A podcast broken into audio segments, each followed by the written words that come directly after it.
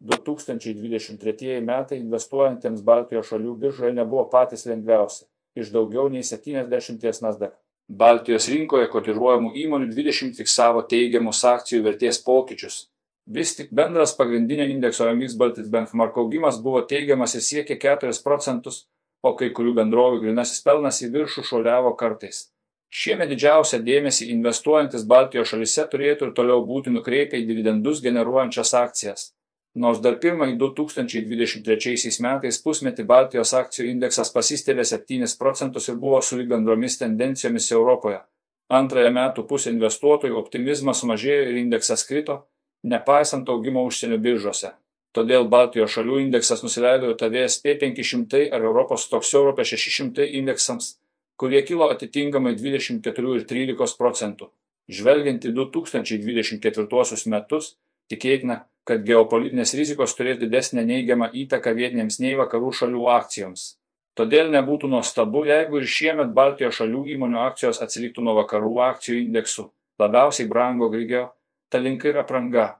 Tarp didesnių bendrovių Baltijos šalių akcijų biržoje pernai labiausiai brango grigio akcijos - net 56 procentais.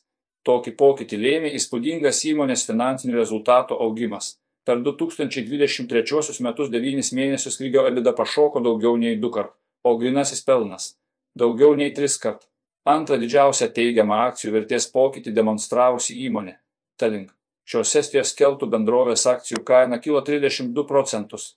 Tai lėmė pavydėtinas pelno augimas. 9 mėnesių EBITDA padvigubėjo, o 77 milijonai eurų grinasis pelnas pakeitė 3 milijonai eurų nuostolį fiksuota 2022 metais sausį rugsėjį. Praėjusiais metais Talink įsiveržė į aktyviausiai investuotojų prekiaujamų Baltijos akcijų penketuką. Jos akcijų priekybos apyvartai šoktelėjus dviem trečdaliais.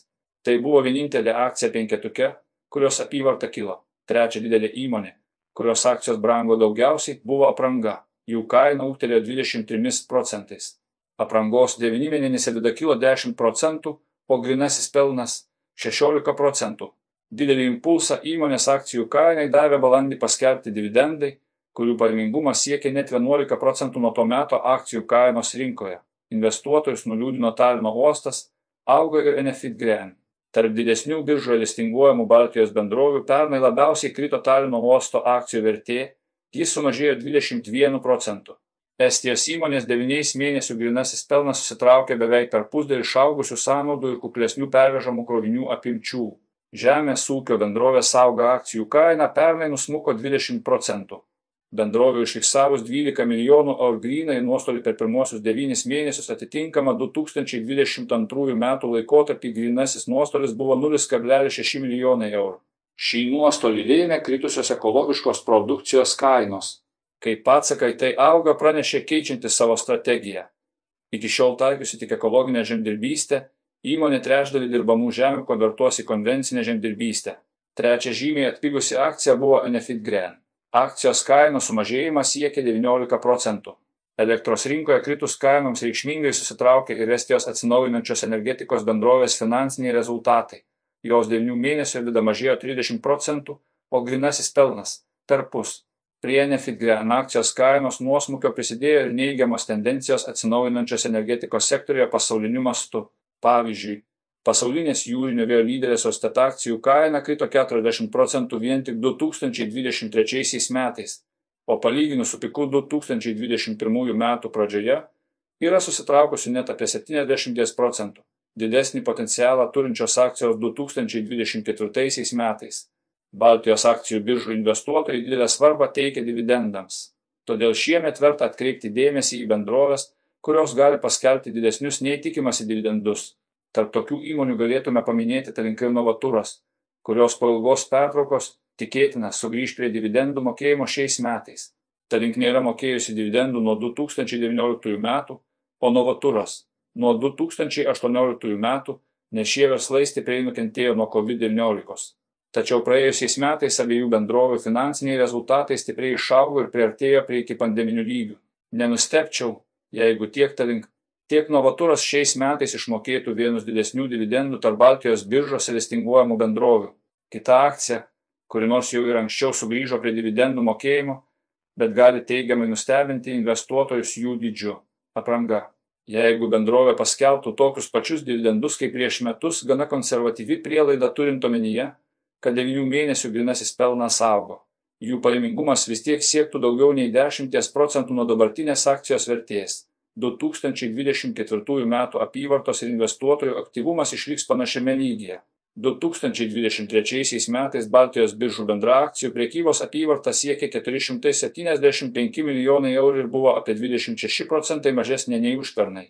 Tiesa, reikia pastebėti, kad silpniausiai atrodė pirmasis metų ketvirtis, o antroje pusėje priekybos apyvartos buvo mažesnės nedaug - vos 6 procentais. Prognozuočiau, kad 2024 metais priekybos apyvartos biržoje išliks panašiame lygyje kaip ir 2023 metais. Didesniam aktyvumo šuoliui yra būtinas arba bendras spartus Baltijos akcijų kainų kilimas arba naujų didelių bendrovių ateimas į biržą. Aktyviausios Baltijos akcijų biržos vardą 2023 metais nesunkiai išlaikė Talinas, kurio apyvarta sudarė 63 procentus nuo visos priekybos Nasdaq Baltijos rinkoje. Vilniaus biržos akcijų priekybos apyvarta siekė 34 procentus, o mažiausia birža - Rygos. Užėmė 3 procentai dalį bendroje Baltijos rinkoje. Likvidžiausia Baltijos akcija antrus metus išėlė buvo Enefigren. Nepaisant to, kad jos akcijų apyvarta susitraukė 37 procentai iki 72 milijonai eurų. Aktyviausiai prekiautos lietuviškos akcijos susikeitė vietomis.